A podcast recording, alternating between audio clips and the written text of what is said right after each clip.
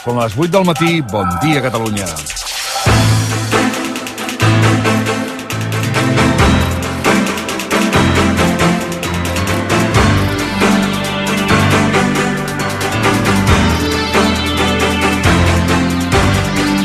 Jo sé, jo la meva. Jo la meva, però què fa una persona que és innocent? Que no està imputada o investigada i que proclama la seva innocència? És veritat. Al seu entorn es van acumulant les tifarades i per allà on es trepitja la pudor cada vegada es fa més insuportable. Però l'Audiència Nacional, que fa mesos que investiga aquest cas, no hi ha trobat res il·legal del que va ser ministre de Foment José Luis Ábalos. Sí, reconec que sóc dels pocs que penso que si no estàs investigat no has de plegar, llevat que hi hagi informacions que se'ns escapin. Els sacsejadors habituals han tret el nom de Laura Borràs a passejar. No, la presidenta del Parlament estava investigada, estava imputada, i per això el cas no té comparació de moment, perquè no sabem si l'Audiència Nacional acabarà sucant tipac, perquè recordem que l'Audiència Nacional n'és especialista, si no que li diguin al Sandro Rossell. José Luis Ábalos ha aconseguit aquest matí una entrevista al món narracó. No us enganyarem. Està gravada. Està gravada de fa unes hores i la sentirem d'aquí uns moments. Eh, I la sentirem d'aquí uns moments perquè a les 9 hi ha sessió de control. És un home abatut emocionalment, però molt dur de pell i confirma que aguantarà tot i els obstacles que li estan fent saltar. Dolgut, ferit, aquest matí estarà pendent del Congrés a partir de les 9 en punt, tot i que avui no hi serà. Hi ha sessió de control i a les 9 hi haurà cares a cares entre Pedro Sánchez i Alberto Núñez Fijó i ell en serà el protagonista. Per això preferim saber com està abans de la sessió de control d'aquest matí a les 9 que seguirem en directe aquí al, al Món Arracó amb els tertulians habituals del dimecres. És per aquest motiu que d'aquí uns segons les percepcions enregistrades de José Luis Ábalos al Món Arracó. Són les 8 dos minuts. Benvinguts al món. El món a RAC1 amb Jordi Basté.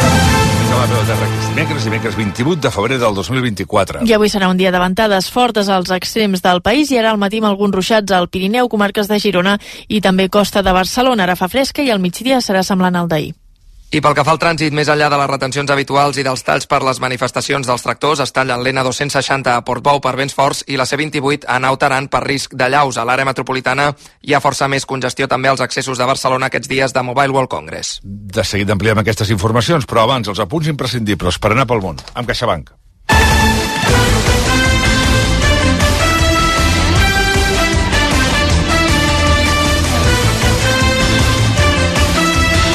Dèiem al davantal, guerra oberta entre la direcció del PSOE i José Luis Ábalos, l'exministre socialista, planta cara al partit i es nega a entregar l'acte de diputat. Les pressions en públic i en privat que ha rebut els últims dies no han donat fruits i Ábalos ha decidit no immolar-se ni assumir cap responsabilitat política pel cas Coldo, el que investiga un exassessor seu per haver-se embutxacat comissions milionàries amb la compravenda de mascaretes durant la pandèmia del coronavirus. Ábalos no era diputat del PSOE més, no era un de més, és un dels pocs fidels que van fer costat a Pedro Sánchez l'any 2016 després que els barons del PSOE el defenestressin. Ábalos va acompanyar Sánchez en la seva ruta per recuperar el control de Ferraz i un any i mig després fer el salt a la Moncloa. Ara la relació entre tots dos, que havia estat estretíssima, s'ha esbarlat completament. Ábalos s'ha declarat en rebel·lia i el PSOE ha respost expulsant-lo del grup parlamentari, enviant-lo al grup mixt, suspenent-lo temporalment de militància i obrint-li un expedient disciplinari. L'exministre no és diputat socialista des d'ahir a les 3 de la tarda. La guerra, doncs, és total. Des de Madrid, Jordi Armenteres. Sí, Avalos té nou escó, la penúltima fila del Congrés. En tres anys ha passat de la bancada blava de ministres a cadascuna de les que hi ha per sobre, cada cop més amunt i, per tant, cada cop perdent influència. Ara penúltima fila com a integrant del grup mixt, un diputat de Vox a l'esquerra, el portaveu del BNG a la seva dreta, perd el despatx que tenia com a president de la Comissió d'Interior i ja té signat despatx a la zona del grup mixt. El seu sou també queda molt tocat. Com a diputat ras cobrarà 3.142 euros al mes, menys de la meitat del que cobrava fins ara. El PSOE no assumeix la rebel·lia d'Avalos ni que no vulgui assumir cap responsabilitat per l'etapa que va ser ministre. Tan bon punt va anunciar que se n'anava al mixt, comunicat del PSOE apartant-lo de tot i veu de Pachi López. Creemos que lo que tiene que hacer es dejar el escaño, la ejecutiva del partido empezará a tramitar un expediente de, de baja cautelar como militante socialista. que es lo que habíamos dicho desde el principio. Es un día muy triste. El PSOE li suspèn la militància, però també li recorda que ha de continuar pagant les quotes si algun dia vol tornar amb l'honor recuperat. Se'l sanciona per desobediència, per no fer cas de la decisió unànima de l'executiva de dilluns que li va demanar l'escó.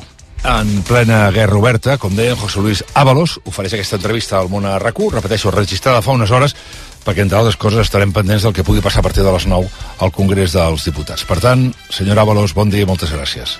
Bon dia. Bon dia, bon dia. Per què, per què no ha, ha renunciat a l'acte de diputat tal com li exigia el partit? Porque no comparto eh, las razones, no las comparto desde ningún punto de vista. No comparto desde un punto de vista de estrategia política, incluso de táctica tampoco, mm, desde el punto de vista personal en lo que afecta a mi honorabilidad, a mi imagen, a mi reputación, pues no estoy dispuesto a asumir esa culpa. La gente no sabe distinguir claramente las responsabilidades y yo no estoy a favor de, quedar estigmatizado en esta cuestión, que también, como el que más reprocho, en la medida en que además, en mi caso, constituye una grave decepción, un abuso de confianza, pero que eh, en lo que a mí respecta, eh, e incluso ejerciendo esa vigilancia, nunca pude eh, llegar a, pensar que podría darse lo que presuntamente se está hablando, se está imputando, ¿no? Y que la gestión, en todo caso, en lo que a mí correspondía, fue una gestión correcta, no solamente correcta en lo procedimental y en lo legal, sino también positiva en cuanto a cómo se hizo, eh, con qué precios, con qué resultados, con qué tiempos, con qué cautelas. Y todo eso eh, está fiscalizado debidamente por el Tribunal de Cuentas. Así es que yo en esa materia de gestión, en la que por supuesto no se insiste, pues estoy completamente eh, satisfecho y del trabajo de los funcionarios también. Que a partir de ahí alguien haya abusado de la confianza de uno y que se haya podido obtener algún beneficio económico de las comisiones de los intermediarios, que no a costa de las arcas públicas, pues es constituye una grave decepción, pero desde luego querer imputarme una responsabilidad invigilando y llevarla hasta este extremo, a mí me parece que no. Pero es que además creo que no es la forma de enfrentar la estrategia de la derecha en este sentido. Per tant, plega per, no plega per dignitat. Por supuesto, por dignidad y evidentemente también por el sentido de mi propio compromiso político que ya lleva demasiada, demasiado tiempo, ¿no? Son décadas. Y si lo que me animó a estar en el activismo político fue la rebeldía por eh, y también la defensa de la dignidad, pues comprenderá que eso no lo no quiero perderlo. Presumpció de culpabilitat? Pues sí, porque realmente a mí no se me acusa de nada. Yo no formo parte de ninguna investigación, no estoy acusado de nada, pero sin embargo se trata de atribuirme algún, una responsabilidad, ¿no? Es lo que no comparto. Precisamente cuando tenemos casos eh, lacerantes donde pues eh, no, no, no se exige absolutamente nada, ¿no? Yo no acabo de entender el porqué de encontrarme en esta situación, lo digo de verdad. Ha parlat amb el, amb el president Sánchez? No, Des de quan? pues la verdad es que estábamos teniendo una comunicación bastante efectiva y yo prácticamente pues diría que desde que empezó esta crisis, ¿no? I des del començament de la crisi, ni un missatge de WhatsApp, ni res? No, desde entonces, pues Li sap greu? No, yo no soy de...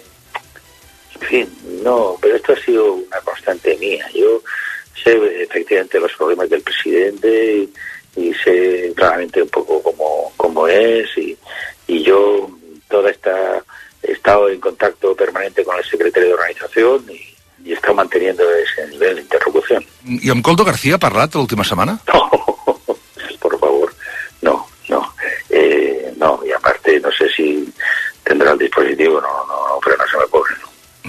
Fa que no parla amb ell?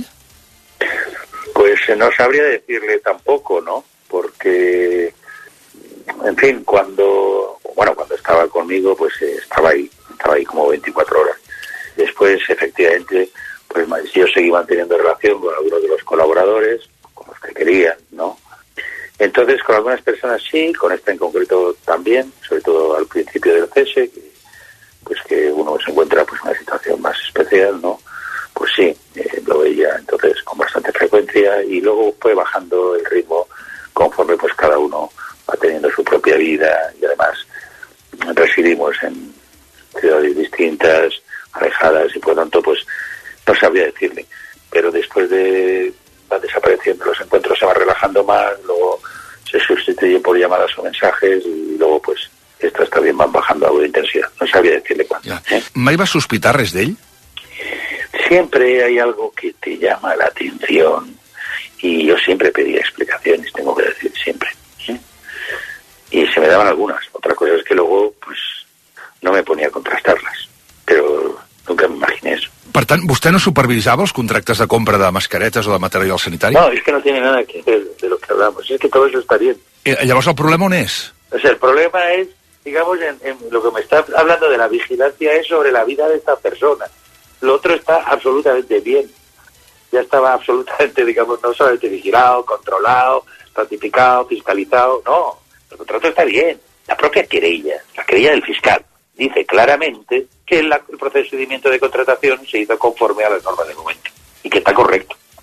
El Tribunal de Cuentas, que fiscalizó ese expediente en dos ocasiones, al menos que sepa yo, una eh, prácticamente muy cerca del periodo de contratación por una denuncia de un particular y el Tribunal de Cuentas archivó la denuncia dejando claramente que los precios estaban en el mercado y que no se pro- producido ningún quebranto a la hacienda pública. Posteriormente fue el propio Tribunal de Cuentas de oficio que fiscalizó todas las ayudas de emergencia que tenían que ver con el COVID. La información es positiva, la fiscalización es positiva. No hay ningún problema en la contratación. Lo que hay es que presuntamente un hombre de confianza de, mi gabinete pudo haber tenido parte de las comisiones de los intermediarios. O sea, no a costa tampoco, digamos, del dinero público. De hecho, no se les ha planteado ninguna fianza a la hora de ponerlos en libertad. La investigación gira en torno a si esta persona cobró de la parte de los empresarios, del beneficio empresarial, digamos. ¿no?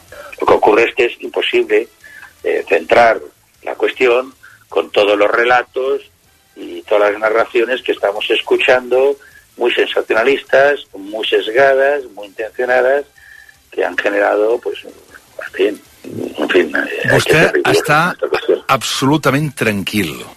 Mire, ha habido un proceso de investigación largo. La denuncia que planteó el Partido Popular se dirigía a una operación de este ministerio que yo lo dirigía. Es decir, que básicamente se dirigía contra mí. Por lo tanto, ha habido un proceso de investigación bastante largo, superior al año.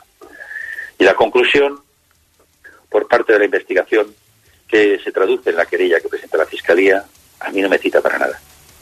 Y en el auto judicial del que hemos tenido conocimiento, tampoco se me cita para nada.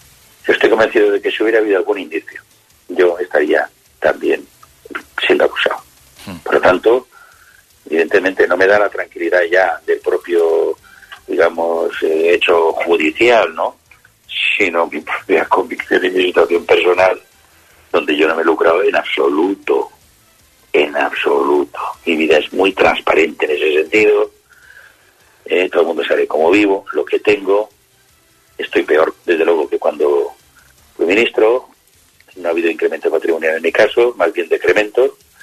Y declaro todo. Y, en fin, para la buena persona de mi trayectoria, de mis años en actividad política y en el servicio público, tengo bastante menos que cualquier que muchos otros. ¿eh? Les, les maniobres de, del García denunciades per un particular, el 2020, vostè creu que són les que van portar el president Sánchez a destituir-lo l'estiu del 2001? I troba vostè que per això ho dic perquè l'altre dia eh, Ernesto Kaiser deia que Sánchez li va dir quan el va fer fora ja sabes por qué lo he hecho. Esa frase no existió nunca, nunca se me dijo eso, nunca me contestaron eso. No sé de dónde lo puede sacar. Però, Solamente habíamos dos personas en esa conversación, yo y el presidente. però creu que el van fer fora per Coldo? No, no, no, mire, no, no, en ese momento presidente lo explicó. Quería un poco aquellas personas que nos habíamos desgastado más en la cuestión política, no sé si con buen criterio o qué, pero quería, digamos, remozar el gobierno. Y yo, en lo, eh, por otra parte, lo he dicho y no me gusta remontarme porque además ya tuve entrevistas al respecto, también tenía una situación personal tenía que afrontar, ¿eh? que tenía que afrontar. Tampoco, de tal modo que incluso la no continuidad yo la viví en ese momento como una cierta liberación. Es verdad, y yo también lo dije, que no haber sido a lo mejor más claro las razones, siempre dio pie a estas dudas que usted me vuelve a plantear nuevamente. Vostè passa a ser diputat del grup mix, per tant, anirà al Congrés. Sí, claro. I avui mateix clar. anirà al Congrés. No, no, no, no, no. no. ¿Por qué? A- Ahora la disciplina me la pongo yo. No, vamos a ver, van a contar con mi apoyo, van a contar con mi voto, sin duda, ¿eh? el gobierno. Yo voy a seguir luchando por lo que pienso ¿eh? y, voy a seguir trabajando para que la ultraderecha y la derecha radical, eh, que no es sino la antesala de un proyecto autoritario, pues impedir que se desarrolle. O sea, yo voy a estar ahí. Pero también tengo que luchar contra otras muchas cosas que las estoy sufriendo, pero que las sufren otros en la sociedad, ¿no? Y que tienen que ver también con la desinformación, con la intoxicación, con estas estrategias de polarización. Hay tantas cosas por las que hay que poner freno, porque en todo este proceso realmente he vuelto a vivir cosas muy desagradables, ¿no? Una persecución a mis entornos personales, a mis hijos. ¿En serio? A intentar, sí. Ha habido personas y, o pseudomedios, porque ahora, pues que han intentado, a personas que han compartido conmigo alguna parte de la vida, pues intentar eh, pagarles entrevistas, eh, buscar declaraciones, eh, buscar secretos personales, M'ho diu en sèrio? identificar el piso donde vive mi hija de 18 años, de buscar mi domicilio para mandarme fotógrafos que me vean en la casa entrando, todo eso, tengo las pruebas, tengo la constancia. Sí, sí, es horrible el nivel de degradación al que se está llegando. Y lo que tengo que ver es sobre mi vida personal, de mis relaciones sentimentales, de mis hijos, todo con, incluso con datos que no son ciertos, pero que dan una imagen pues, pues de, de un personaje extraño, ¿no? Se deshumaniza tremendamente. I val la pena tot això, senyor No. Ábalos? És a dir, val, val la pena Però continuar per tot això?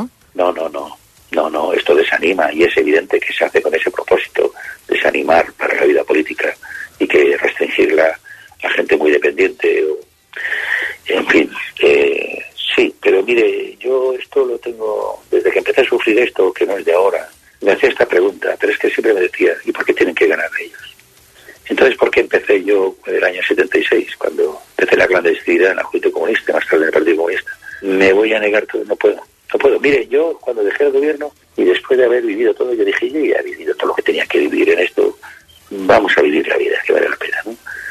Y pensé, pensé en retirarme completamente, ¿no? Y, y bueno, oportunidades en la vida privada para alguien que ha sido ministro, oiga, no falta. Digo I, i, i avui, i avui, per què no plega avui? Per això, per, per, perquè seria donar als dolents? Sí, porque no quiero salir después de tantos años por la puerta de atrás. No puedo salir con ninguna sombra de mi, de mi honorabilidad. No, no puedo. No puedo. Sería un muerto en vida. Me verían como un apestado. Porque nadie me reconocería ese gesto que algunos eh, exigen de grandeza. Me está escribiendo gente que ha vivido cosas similares. La verdad es que estoy extrañado. La de gente que me está escribiendo. Más allá de la solidaridad, de las lágrimas, de mensajes que son tremendos. Pero me ha escrito varias gente que vivió situaciones muy desagradables en política. Me ha escrito, por ejemplo, un exalcalde, 16 años de alcalde, me dice, tuve 10 denuncias. Me costó 10 años que se archivaran todas. Nunca tuve reparación. Pero, ¿qué hacemos entonces? Nos sometemos a quien realmente quiere el poder sin ningún tipo de contrariedad. No sé, a mi edad ya puede pasar dos cosas. Pues no rendirme, y es lo que he dicho. O simplemente sucumbir, no. Eh, yo he optado de momento por no rendirme. Jamás pensé yo que podía no estar en mi partido o con mi partido. Y de hecho, pues cuando me refería a los demás siempre decía lo mismo. Siempre pensé que era el partido donde me iba a morir. Pues porque prácticamente ahí nací. José Luis Ábalos, moltes gràcies, però ara li he de fer, per acabar, una pregunta política. Um, perquè hem fet, hem fet, una, hem fet una entrevista hem fet una entrevista molt personal des d'un punt de vista també de com Bueno, s'està és tornant que, la mire, la política política- i els mitjans de Madrid, perquè realment hi ha alguns mitjans en aquests moments que estan actuant d'una manera realment preocupant. Però és que l'última pregunta era molt, era molt senzilla. Com a, com a diputat del grup mixt, ha dit vostè que donarà suport al govern. Li pregunto, votarà la llei d'amnistia, per exemple, a favor? Sí, l'he defendido hasta ahora. José Luis Ábalos, moltes gràcies per haver-nos acompanyat i molta sort. A vostès. Moltes gràcies. Un quart d'hora llarg de conversa enregistrada, eh? repeteixo, amb eh, José Luis Ábalos a les últimes hores, però després de decidir que, que deixava el seu escó al PSOE però passava al grup mixt, però que no deixa l'escó de diputat, que avui no serà el Congrés que votarà a favor de la llei d'amnistia com ara, com ara sentíem. Sí, un Ábalos dolgut, mm, molt dolgut, molt indignat, molt emprenyat, i avançava ara que no anirà avui al Congrés, perquè encara que no hi sigui, serà el gran protagonista de la sessió de control que hi haurà aquest matí a les 9, amb Pedro Sánchez i Alberto Núñez Fejo, que es veuran les, les cares per primer cop des que la setmana passada va esclatar l'escàndol del Cascoldo. El PP saliva perquè ha trobat un filó per acusar el PSOE de corrupció i avui ho pensa aprofitar suc antipà. No en va els grups de l'oposició han registrat una allau de preguntes per collar Pedro Sánchez i tots els ministres del seu govern aquest matí i obligar-nos a donar obligar-nos a donar explicacions. Però la Moncloa es defensen i intenten esquivar qualsevol relació amb la corrupció. De fet, el Ministeri més esquitxat per aquest cas Coldo, el de Transport, ha anunciat una auditoria per revisar de dalt a baix tots els contractes que siguin sospitosos. Des de Madrid, Arnau Manyer. Sí, el govern espanyol defensa la seva gestió durant la pandèmia i pretén esvair qualsevol ombra de corrupció que l'impliqui. D'entrada, amb una auditoria que revisi tots els contractes del Ministeri de Transports relacionats amb el material sanitari. Tot i que, segons el ministre Òscar Puente, tots els tractes van passar els filtres legals, volen assegurar-se'n. Cualquier intento de enriquecimiento a través del cobro de comisiones merece reprobación y reproche. Quien la hace debe pagarla. Confío en que la auditoría esclarezca todos los detalles. Sobre Ábalos, Puente admet que apartar-lo és una decisió difícil. Personalment, això sí, considera que el diputat s'equivoca. No es coherente con toda la trayectoria de José Luis Ábalos, que ha sido un militante ejemplar, que ha sido un, y es, yo creo, un gran socialista. No es coherente esta posición con lo que, con lo que ha sido. Des del govern espanyol donen per fet que Ábalos no es va embutxacar ni un sol euro amb el material sanitari. Li retreuen, però, la responsabilitat política en tot l'escàndol. A tot això, el ministre de Sanitat de la... El ministre de Sanitat de la part més crua de la pandèmia, que va ser Salvador Illa, també està convençut que el cas Coldo amb ell no l'acabarà esquitxant. Ara bé, ahir en una entrevista aquí al RQ, l'actual primer secretari del PSC obria la porta a donar més explicacions, si cal. estic tranquil i a més a més ja li dic, miri, jo vaig compareixer 22 vegades al Congrés dels Diputats durant la pandèmia.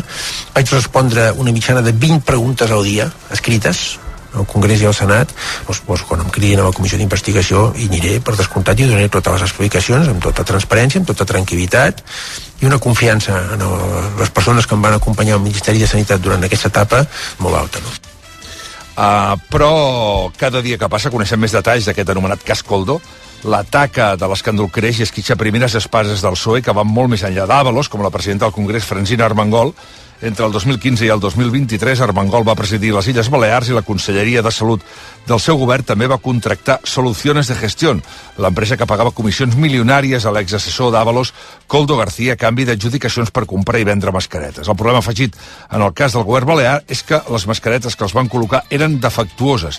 Armengol assegura que tan bon punt se'n van adonar, van reclamar a Soluciones de Gestión que els tornés als calés, però avui el diari El Mundo publica que en realitat el seu govern ho va amagar. Segons el diari, Armengol va ocultar a les autoritats europees que les mascaretes eren absolutament inservibles perquè les havia pagat amb fons europeus.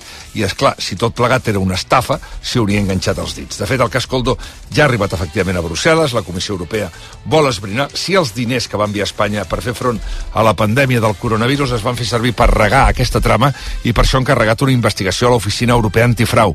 I no és l'únic moviment. La Fiscalia Europea també ha reclamat informació sobre el cas a l'Audiència Nacional. Però, malgrat els detalls que anem coneixent, en l'entrevista d'ahir al Món RQ, Salvador Illa va demanar que tothom fes un esforç d'empatia i recordi les dificultats que van haver d'afrontar tots els governs durant la pandèmia del coronavirus per aconseguir material sanitari.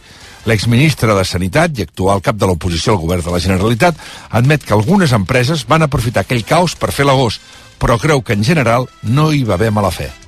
Hi havia casos en què hi havia gent que enmig de moments molt delicats eh, s'aprofitava. També hi havia casos, la majoria, al contrari, de grans empreses amb plataformes logístiques a Àsia que van ajudar sense cobrar un duro per transportar material i per buscar proveïdors, de persones individuals que tenien contactes i es posaven a disposició, de gent que en aquí va engegar processos per poder fabricar. Sigui, jo no em quedo, no vull que això m'esborri el millor que vaig veure, que va ser a més la norma general. Ara hi havia casos concrets, efectivament, de gentussa. Sí, vostè, la paraula és aquesta. Sigui com sigui, la investigació del cas Coldo continua avançant a l'Audiència Nacional. Avui declarar davant del jutge el presumpte cervell de la trama, Juan Carlos Cueto, l'empresari que controlava Soluciones de Gestión. A Cueto no el van poder detenir la setmana passada amb la resta d'imputats perquè era fora d'Espanya, però la policia el tenia localitzat i ara l'ha portat davant del jutge. Aquest matí també hem sabut que el magistrat ha acceptat que Vox es personi a la causa com a acusació particular. Serà el segon partit que ho fa després que el Partit Popular també ho reclamés i el jutge ho autoritzés. A veure què en diuen de tot plegat les ràdios aquest matí a la SER? L'Àngels Barceló critica Ábalos per morir matant i diu que el PSOE queda a la corda fluixa. Ayer, por lo que fuera, no le interesó entenderlo y con ese comportamiento deja su partido muy lastimado y lo hace queriendo, lo que se llama morir matando. Quiso dar pena a Ábalos en una comparecencia ensayada y declamada. Mi partido no me deja explicarme, insistió, pero ayer Ábalos tuvo la oportunidad y no lo hizo porque ni siquiera aceptó preguntas y se quedaron muchas en el aire, todas relacionadas con la contratación de su hombre de confianza y su carrera meteórica a su lado, que le llevó incluso a los consejos de Renfe y de Puertos del Estado. Es por eso, por lo que le piden responsabilidades y en eso toda la responsabilidad es suya. Ahora deja al PSOE con un diputado menos y con la autoridad de Pedro Sánchez cuestionada, todo un torpedo en la línea de flotación socialista cuando el PSOE intenta navegar en aguas demasiado revueltas. I Carlos Herrera, la COPE, que creu que Ábalos ha demostrat la seva intel·ligència. Su comparecencia fue un recital que desautoriza por completo la actual dirección socialista. Ábalos no solo ha desafiado la autoridad de Sánchez, es que le ha arrebatado la épica de la resistencia. Hoy Ábalos es el Sánchez que echaron por la ventana del Comité Federal de su partido hace unos años. Ayer Ábalos demostró que es un político con recursos y la verdad sea dicha, con más inteligencia de la que le habíamos reconocido. I Federico Jiménez Los Santos, a Radio, qualifica Ábalos de mafiós. Ayer vimos una obra de teatro en la que un ampón se quejaba a la banda del maltrato. Pero es un ampón. El tío, el tío que dijo que el PP era un partido corrupto cuando no hay ninguna sentencia que condene al PP, por más que mientan como bellacos, ayer explicó cuál era el mecanismo de la corrupción. No cobraban comisiones, se llevaban una parte de la comisión. De tot plegat, escoltem ara el comentari que hi posen dos col·laboradors del món a RAC1. El primer és el periodista i escriptor Manuel Javois. El escándalo Coldo García, que por otros motivos empieza a ser ya el escándalo Ábalos, pone en el centro del debate algo tan delicado como la confianza. La confianza en el ámbito del poder, es decir, el nombramiento de alguien de tu plena confianza en cargos en los que estás seguro que no te va a fallar. La línea que separa la confianza de la responsabilidad es tan delgada que cuando el delito es clamoroso da igual que no te alcance las consecuencias penales. Lo coherente es asumir que si tu mano derecha ha aprovechado la posición que tú le diste por decencia personal y por altura política, tú debes renunciar. Y un recordatorio más, fuera de la política no es necesario cometer un delito para dimitir o para que te despidan. Hay errores o conductas que simplemente lo merecen. Gràcies, Javois. I el segon el posa la periodista i politòloga Estefania Molina. Ábalos s'atrinxera i desafia Pedro Sánchez. I és que l'exsecretari d'Organització passarà al grup mix, ja que no considera que hagi de deixar l'escó perquè es creu innocent i vol defensar la seva honorabilitat. És a dir, que se li girà feina a Pedro Sánchez. Primer, perquè la permanència d'Àvalos alimenta les teories de la conspiració sobre que alguna informació molt compromesa tindrà que és incapaç de ser doblegat a la voluntat del president del govern espanyol. Ara bé, també es podria creure que Àvalos tem que la causa s'ampliï i que li esquitxi i, per tant, vol mantenir l'aforament. Però la realitat és que el més important d'això és l'impacte mediàtic que tindrà per Pedro Sánchez. L'amnistia, de fet, no era un problema real. Sánchez va sumar un milió de vots el passat 23 de juliol, quan les aliances Frankenstein ja eren conegudes. Però això és diferent, perquè la dreta ha trobat un bon os per la legislatura. El PP domina el Senat i pensa muntar-hi comissions d'investigació. PP i Vox presentaran cada setmana bateries de preguntes. El Congrés, davant l'atenta mirada d'Àvalos, ja estigui desfenestrat o no, estarà allà. Pràcticament dos quarts de nou, d'aquí uns moments anirem al Congrés i d'aquí uns moments també la tertúlia els dimecres. Javier Melero, Ana Gómez, Ferran Casas, Xavi Domènech, eh, Mònica Hernández, Ramon Rovira, la tertúlia del món a rac però mentrestant hi ha altres temes més enllà del cas Coldo i de l'entrevista que manteníem i escoltàvem fa uns moments amb el, amb el, el diputat del grup mixt a José Luis Ábalos. La pagesia manté el pols i continua bloquejant aquesta hora algunes de les principals carreteres de Catalunya. Manifestants i tractors les tallen en alguns casos des d'ahir a la matinada, és a dir, des de fa més de 30 hores. Són l'AP7 a Puntós i la Nacional 2 entre Bàscara i Vilamalla, les dues a l'Alt Empordà. També bloquegen el punt fronterer del Coll d'Ares entre el Ripollès i el Vallespí. A banda, també hem fet nit a diverses vies que connecten Lleida i l'Aragó, amb l'A2 entre Tàrrega i Vilagrassa i l'AP2 a l'altura de Soses. Unió de Pagesos i Revolta Pagesa calculen que ells van mobilitzar uns 1.200 tractors en una protesta que afecta sobretot el pas de mercaderies i que avui podria incorporar, en el cas de l'Alt Empordà, també els pagesos de França. Portaveus dels agricultors es van reunir ahir amb representants de la Conselleria d'Acció Climàtica, però no es van acordar avenços. De fet, els pagesos critiquen que el conseller David Mascort ni tan sols hi era i per això van decidir allargar les protestes durant el dia d'avui i fins i tot demà. Anem en directe a dos punts de connexió afectats per aquestes mobilitzacions. El primer és a Puntós, a l'Alta Empordà. Allà hi tenim la Bàrbara Julve. Bàrbara? Ni la tramuntana ni la fred que fa aquesta hora a peu d'autopista encongeix els pagesos que estan disposats a seguir en peu de guerra. Avui estan decebuts després que ahir la reunió amb Acció Climàtica no donés els fruits esperats ni cap resolució concreta per part de la Generalitat, segons els pagesos. Durant el matí tenen previst fer una assemblea per valorar la situació, però la previsió és seguir amb el tall almenys fins demà. Jordi Gina Breda és membre de Revolta Pagesa. Són declaracions de RACO.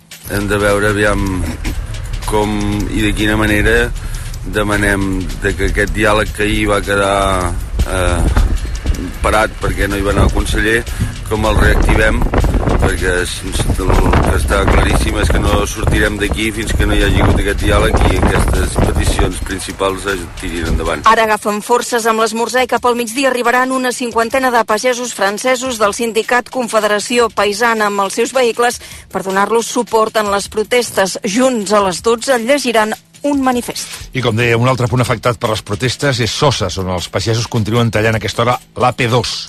Allà hi tenim en Julian André. Julian. Fa pocs minuts, l'helicòpter dels Mossos ha volat per la zona on continuen arribant pagesos a l'autopista després d'haver passat la nit a casa per descansar i altres obligats perquè el bestiar ha de menjar. S'uneixen els que han passat la nit aquí, dormint al tractor o desperts i acompanyats d'un foc que segueix cremant. Ens han comentat que la nit ha anat bé, estan contents per la resposta del sector i és que han vist com alguns pagesos es mobilitzen per primera vegada. Són optimistes pel que fa a l'assistència en el dia d'avui. Una jornada llarga, tenen molt clar el que volen i una opció és quedar-se fins demà. Gràcies també al, a Julián Andrés. Aquestes són les principals vies tallades, no les úniques. Repassem la resta d'afectacions. Dificar.com, el teu portal de vehicles d'ocasió, t'ofereix aquest espai. Anem al RAC a comptar cotxes i tractors. Àlex Huguet, què tal? Molt bon dia, doncs de moment no hi ha canvis, com dèiem, pel que fa als talls dels tractors que afecten aquestes vies principals de les demarcacions de Girona i Lleida, la P7 i l'N2 tallades a puntós i provocant desviaments i congestió cap a la C26, la C31 o trams de la mateixa nacional i la 2 i la P2 a Tàrrega i Soses, amb algunes cues també en aquests trams de la nacional i vies al voltant d'aquestes vies. Això s'hi sumen els talls en vies com l'N230 al Ferràs i al Pont de Suert, l'N240 al Macelles o l'N152 a Puigcerdà per aquestes protestes. Amb un matí mogut també pel que fa a les vies habituals. Un accident ara a la C-17 entre Canovelles i l'Ametlla del Vallès en sentit sud, talla eh, tota la via en aquell sentit i congestió eh, amb més de congestió de 4 quilòmetres. També cues a la C-60 arribant a la Roca del Vallès en sentit nord, la C-58 en els dos sentits a Montcada i Reixac o pel Llobregat a l'A2, sobretot entre Pallejà i Cornellà, amb més de 8 quilòmetres. Finalment, a les rondes també es nota aquests dies de Mobile World Congress, trams de 9 quilòmetres ara en sentit sud i en direcció a Besòs, més plens els trams de la zona franca i Montjuïc a la Ronda Litoral. És tot des del RAC. Molt bon dia. Sí, sí, molts portals, moltes webs, molts concessionaris, però al final el tracte, les facilitats i allò que necessitava a l'hora de trobar un cotxe només ho he aconseguit a edificar.com. No t'ho creus? Prova-ho, prova-ho! edificar.com.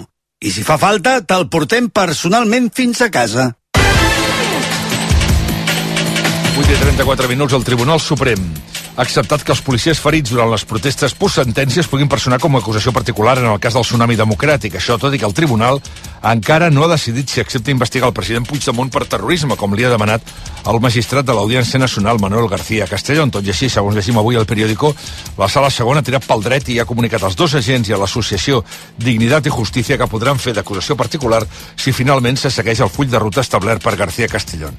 Ara cal esperar que Manuel Marchena decideixi si el Suprem es queda o no es queda el cas. Possibles. Per cert, que el Tribunal Superior de Justícia de Catalunya ha deixat a l'aire el recurs d'un condemnat per les protestes del Tsunami Democràtic a l'espera que s'aprovi la llei d'amnistia. És el primer tràmit judicial que s'atura en previsió que l'amnistia el pugui deixar en paper mullat.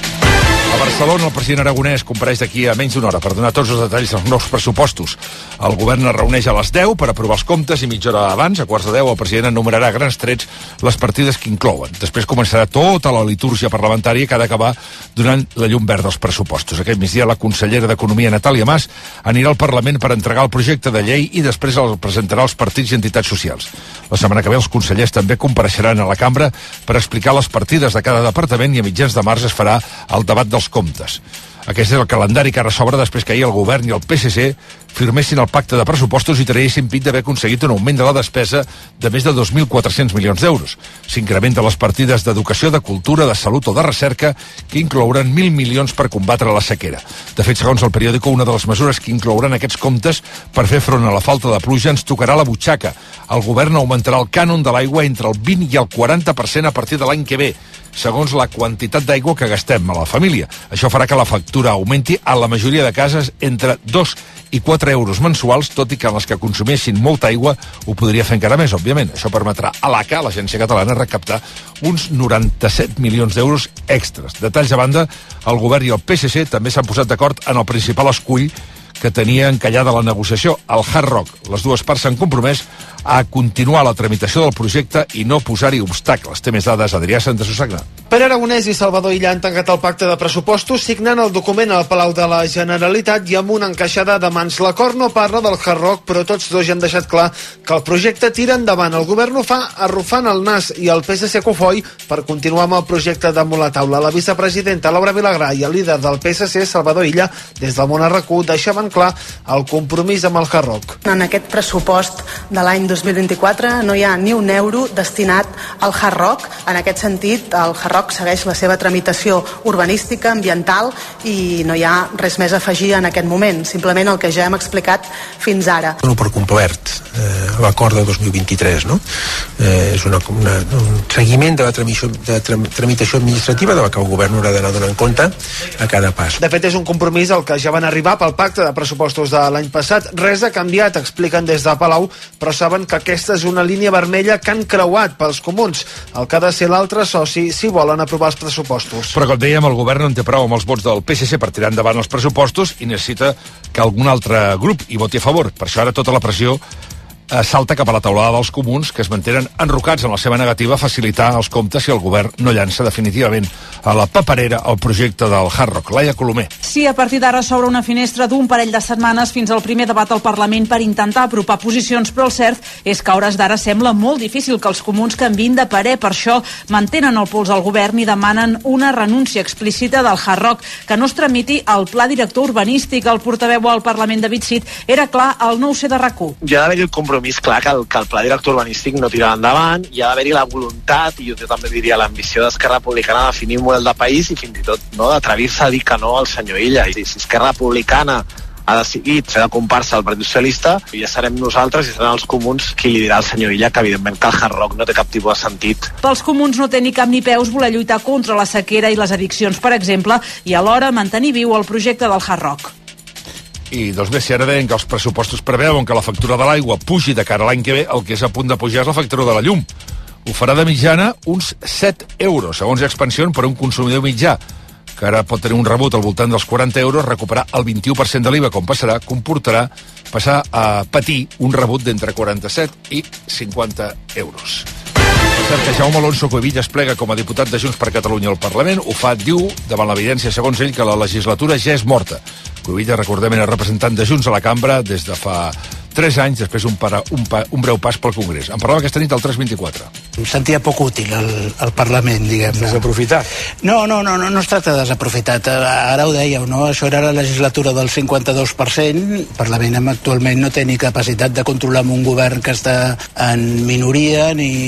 És una legislatura que jo crec que ja està, està, està morta explica que plega decebut amb el funcionament del Parlament i per la falta d'entesa entre els partits. A partir d'ara, Alonso Cuevillas tornarà a centrar-se plenament en el dret i en el seu bufet privat. 21 minuts i les 9 i d'aquí uns moments el món dels influencers parlarem de lloguers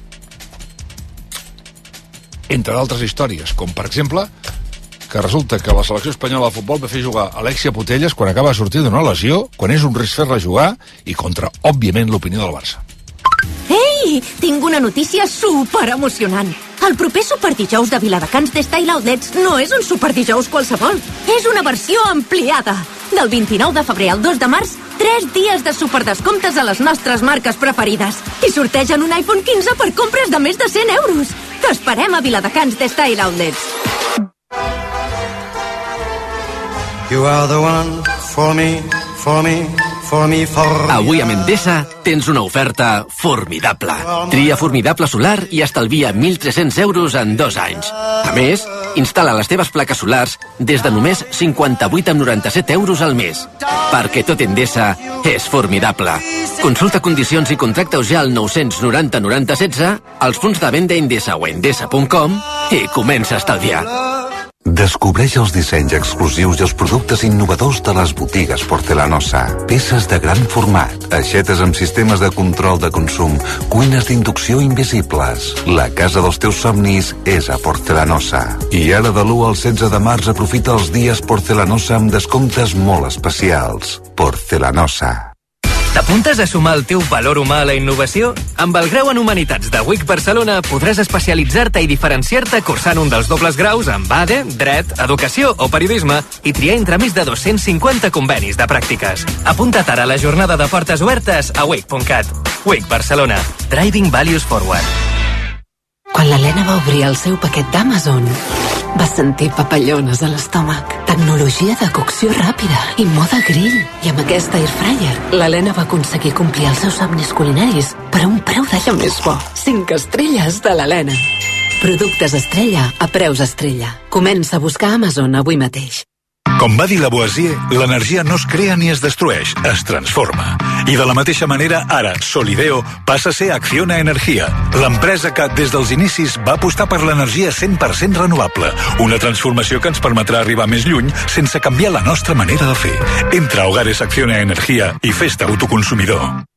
Mira, colesterol alto.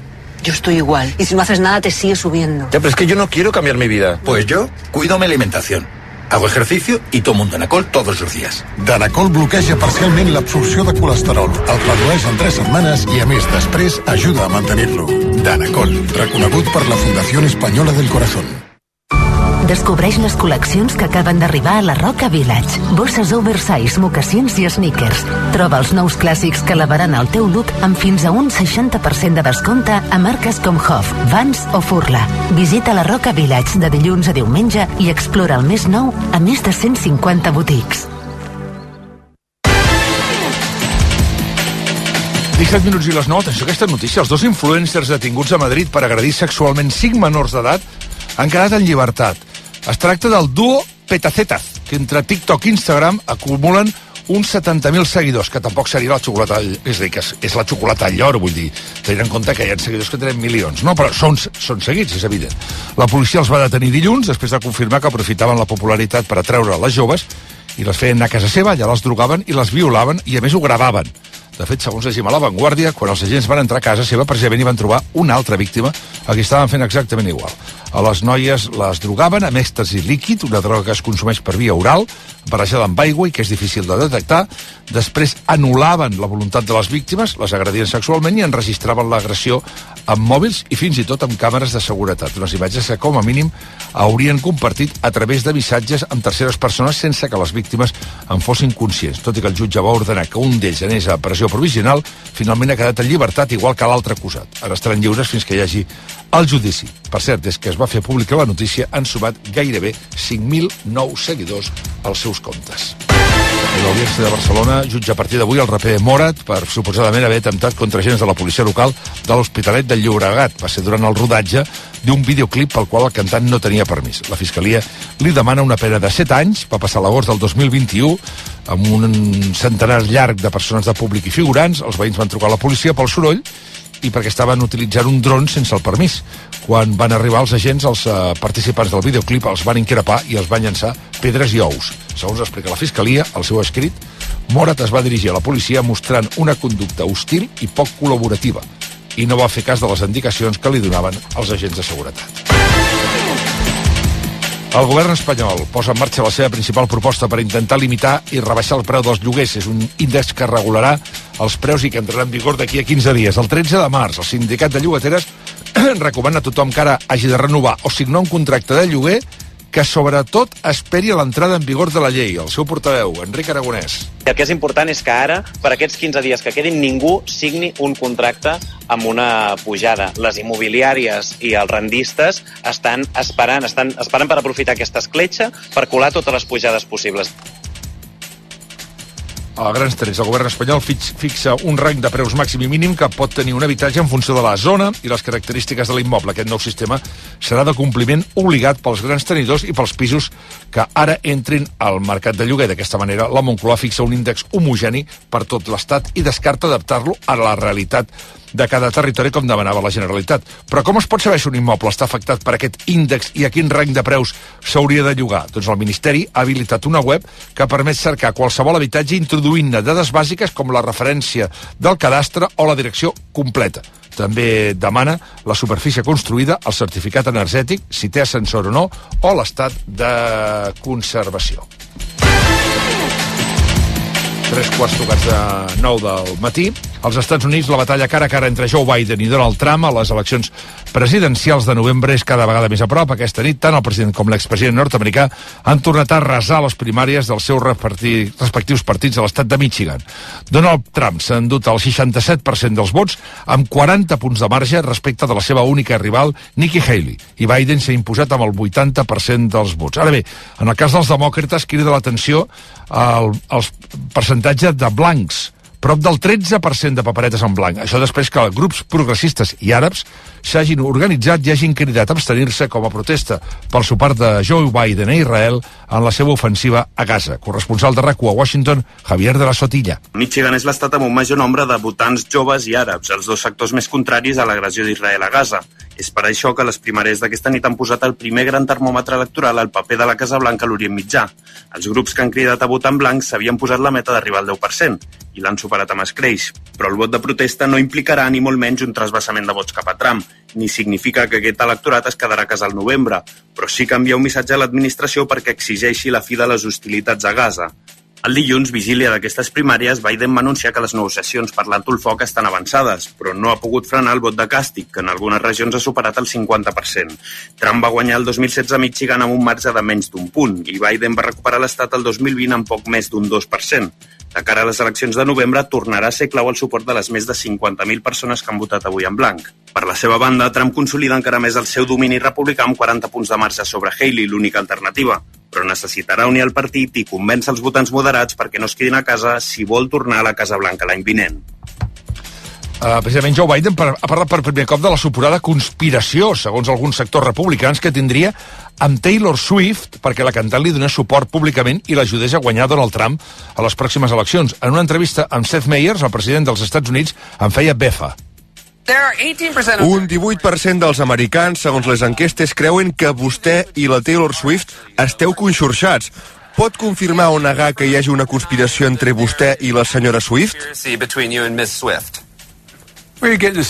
D'on treu aquesta informació? Està classificat, tot i que també li diré que ella em va donar suport el 2020. És veritat, i creu que ho tornarà a fer? Ja li he dit, està classificat. doncs bé, la notícia del dia Taylor Swift.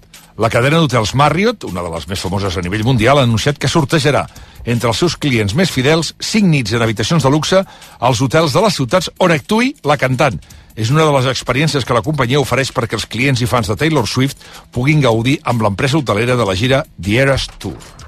Que als Estats Units, la denúncia de Grífols contra Gotham City pot quedar en paper mullat. El fons especulador, que va aconseguir enfonsar la farmacèutica catalana a la borsa, ha desaparegut del mapa. Llegim a cinco dies que el Tribunal de Nova York, que ha assumit aquest cas, encara no ha pogut notificar la demanda a cap responsable de Gotham perquè no ha tingut manera de localitzar-los. No costa enlloc cap direcció, ni de la companyia ni del seu màxim representant, i no li pot remetre, per tant, la situació judicial. Per tant, el procés, de moment, està aturat. Més, un dia més hem de treure el nas al Mobile World Congress. AENA, Aeroports per a tu, et porta les notícies del Mobile World Congress. Arriba i Moldre, això és el que ha fet l'empresa catalana Oceanic Ecostructures, que aquest any s'estrena al Mobile i ja és una de les candidates a ser escollida empresa emergent d'aquest any al Four Years From Now, el Congrés de les Empreses Emergents que es fa dins del Mobile. Aquesta empresa amb seu a Barcelona presenta al Congrés el seu projecte per regenerar el fons marí que està triomfant no només a Catalunya i a Espanya, sinó que ja té grans admiradors i molts als Estats Units. Montse Martí. Ocean Ecostructures fa servir infraestructures que estan en ús o en desús al fons del mar, per exemple, canonades, plataformes petrolíferes o els mateixos ports, per generar un nou espai on algues i espècies marines s'hi troben a gust i regeneren així l'espai marí. Aquesta empresa està treballant, per exemple, la plataforma petrolífera de Rapsol, que hi ha mar endins davant de Sant Carles de la Ràpid, al Montsià. El CEO de l'empresa, Ignasi Ferrer, explica a RAC1 com i què permet revifar de vida marina aquest espai. Qualsevol infraestructura que l'home hagi fet en el mar, nosaltres li podem adherir aquestes estructures biomimètiques que, insisteixo, mimetitzen com funciona un escull, no l'estètica, sinó el funcionament. Doncs l'estructura està tota ella coberta de carbonat càlcic i això permet que eh, en molt poc temps aconseguim que es generin ecosistemes complexes amb una gran quantitat de vida. Ocean Ecostructures té ja 150 unitats col·locades al mar i tenen en projecte unes 700 més. A més, monitoritzen el creixement d'espècies. El cas és que la voràgina econòmica i empresarial que genera aquest Mobile World Congress ha creat un congrés paral·lel de reunions i, i, i negocis fora del recinte. Són empreses que aprofiten el moviment que genera aquest esdeveniment, però que opten per estalviar-se els diners, molts, que val posar un estant dins de la fira. Víctor Endrino. Marques de mòbils com OnePlus o Nothing i altres noms de la tecnologia com Amazfit estan convocant els mitjans, els influencers i possibles contactes de negocis en hotels, restaurants i altres espais emblemàtics de Barcelona. És el que podria anomenar-se off-mobile i és una pràctica habitual de les empreses amb pressupost reduït o que no volen passar pel peatge de l'organitzador. Fins i tot n'hi ha que s'arriben a acreditar pel Congrés i aprofiten les terrasses i els bars del recinte per muntar reunions de tu a tu amb periodistes i possibles compradors. El català David San Martín és cofundador de la marca xinesa Nothing que ha convocat la presentació del seu nou mòbil aquest dimarts a la nit en un restaurant discoteca de l'Eixample. Crec són dues coses. La primera té a veure amb el cost. Nosaltres sí que estem presents al mobile, però tenim un, només una sala de reunions, que és el que ens serveix sí, per fer els negocis. Però el fet de poder tenir el nostre event ens deixa poder explicar el producte de la forma que volem nosaltres, sense tenir, diguem, tot el soroll de la resta de marques. Tots aquests esdeveniments es podrien considerar part de l'activitat econòmica suscitada pel Mobile World Congress, tot i no aparèixer a les dades oficials. Me comunican que el aeropuerto ha desaparecido. Hay que cubrir el colapso de los transportes, ¿vale? ¿Y si cubrimos la crisis de abastecimiento? Oiga, ¿cómo que no hay aeropuerto? Que no hay aeropuerto, caballero. T'imagines un dia sense aeroports? Descobreixo a undiasenseaeroports.com. AENA. Aeroports para tu. Gobierno de España, Ministerio de Transportes y Movilidad Sostenible. El Gremi de Restauració de Barcelona ha denunciat davant l'Ajuntament dels forns de pa que fan de bar per intrusisme laboral. Consideren que els fan competència deslleial perquè molts d'ells ofereixen pràcticament els mateixos serveis que l'hostaleria, tot i que no han de complir els mateixos requisits legals. Segons llegim a l'ara, d'una banda es queixen que molts forns tenen més de 20 metres quadrats i que, per tant, més de 14 cadires a la zona de degustació. A més, alerten que aquests locals també venen alcohol, tot i que està del tot prohibit, i productes d'altres especialitats com ara amanides o iogurts, a més d'oferir menús. Cert, que a Barcelona el Born Centre Cultural canviarà de nom i a partir de la seva, i també de part de la seva activitat a partir de les pròximes festes de la Mercè. L'espai se centrarà a explicar la història moderna de Barcelona, farà millores en l'accessibilitat i suprimirà l'espai del bar-restaurant. El nom nou, el nou nom de l'espai encara no se sap i es decidirà el mes de setembre. Per cert, que a Barcelona especialment la sequera i l'augment de les temperatures també l'hivern han fet augmentar les plagues de rates, d'aus, de xinxes de llit i de paneroles eh, perquè segons llegim al punt avui, la majoria d'empreses de desinfecció asseguren que tenen molta més feina. Expliquen que les peticions per desinfectar de xinxes van créixer l'any passat gairebé un 50% i les demandes per exterminar rates entre un 10 i un 25%. I un segon, res, 20 segons i els esports. És l'hora de pujar al tren de la notícia Renfe. Renfe ha expedit els prop de 653.000 abonaments gratuïts per viatjar en rodalies, mitjana distància i serveis avant bonificats al 50% per viatjar entre l'1 de gener i el 30 d'abril de 2024. Per tal d'agilitzar l'adquisició dels abonaments i evitar esperes innecessàries, Renfe recomana obtenir-los a través de l'app Cercanies Renfe o, en cas dels abonaments de mitjana distància i avant, a través del web renfe.com. Renfe, Ministeri de Transport, Mobilitat i Agenda Urbana, Govern d'Espanya.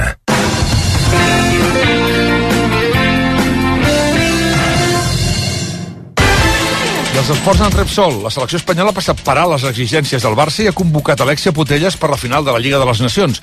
La jugadora no té l'alta mèdica, però la seleccionadora ha tirat pel dret i l'ha inclòs a la llista. A més, ho ha fet per sorpresa i de matinada a quarts d'una. Com és, la, com és lògic, el Barça no hi està gens d'acord, ja es va emprenyar quan Alexia va marxar amb la selecció espanyola, tot i estar de baixa, i ara veu com avui podria jugar en contra de la seva voluntat, tenint en compte que no ho fa des de novembre, quan es va lesionar. I atenció amb aquesta notícia, uns lladres han robat informació delicada sobre la seguretat dels Jocs Olímpics de París. Un funcionari públic va denunciar ahir que li van robar una motxilla en una estació de metro i duia un USB i un ordinador amb detalls relacionats amb el desplegament de la policia i planos municipals estratègics.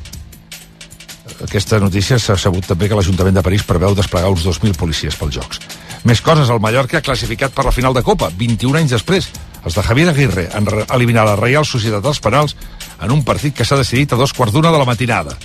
El partit i la pròrroga s'ha acabat amb empat a un, però finalment el Mallorca s'ha imposat amb un llançament de Sergi Derde, el jugador de l'Espanyol. El segon finalista de la Copa sortirà del guanyador de l'eliminatòria entre l'Atlètic de Bilbao i l'Atlètic de Madrid. Demà Sant Mamés i que l'equip bas domina per un gol a 0. A Anglaterra, Erling Haaland és el gran protagonista i el davanter noruec va marcar 5 gols i va liderar la classificació del Manchester City pels quarts de final de la Copa. Els de Guardiola van golejar 2 a 6 al Luton Town amb un partidàs de Kevin De Bruyne que va assistir Haaland en 4 dels 5 gols que en bàsquet ahir us vam avançar el tu diràs de rac que el Barça i l'Ajuntament de Barcelona negocien que l'equip de bàsquet pugui jugar algun partit al Palau Sant Jordi aquesta temporada.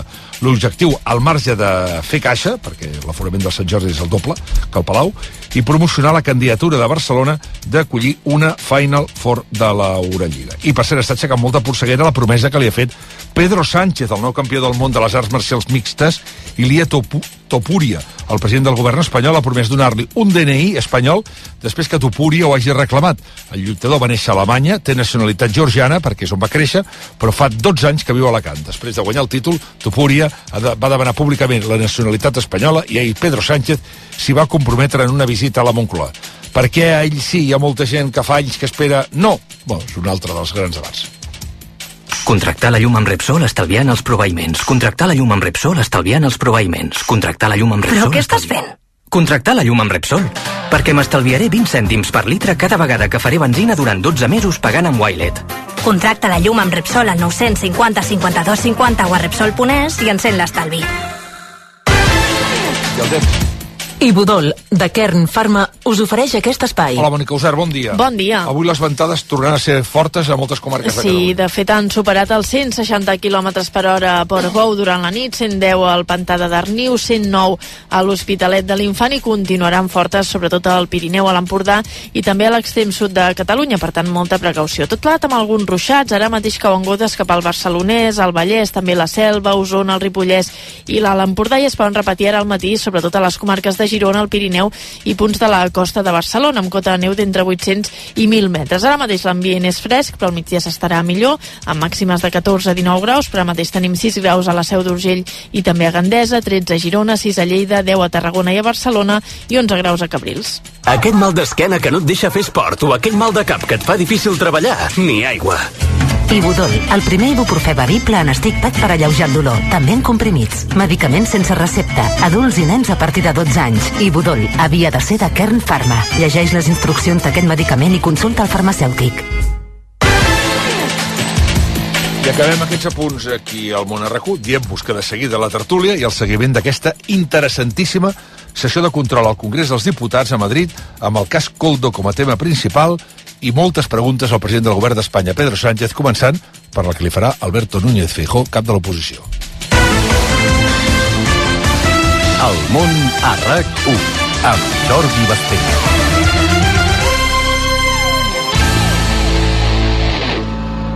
A CaixaBank sabem la importància de tenir algú a prop. A l'illa més remota del món i aquí, a prop teu. Per això tenim presència en més de 2.000 municipis per promoure l'economia rural. Impulsem l'ocupació dels joves amb la formació professional dual i donem suport als emprenedors amb més de 100.000 microcrèdits l'any. CaixaBank. Tu i jo. Nosaltres. El món a RAC1 amb Jordi Basté. Pràcticament les 9.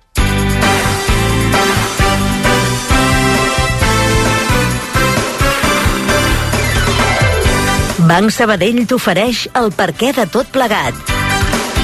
Avui, amb la sotsdirectora del diari Segre, Anna Gómez, l'advocat Xavier Melero, l'historiador Xavier Domènech i els periodistes Ramon Rovira i Ferran Casas. A l'ull de poll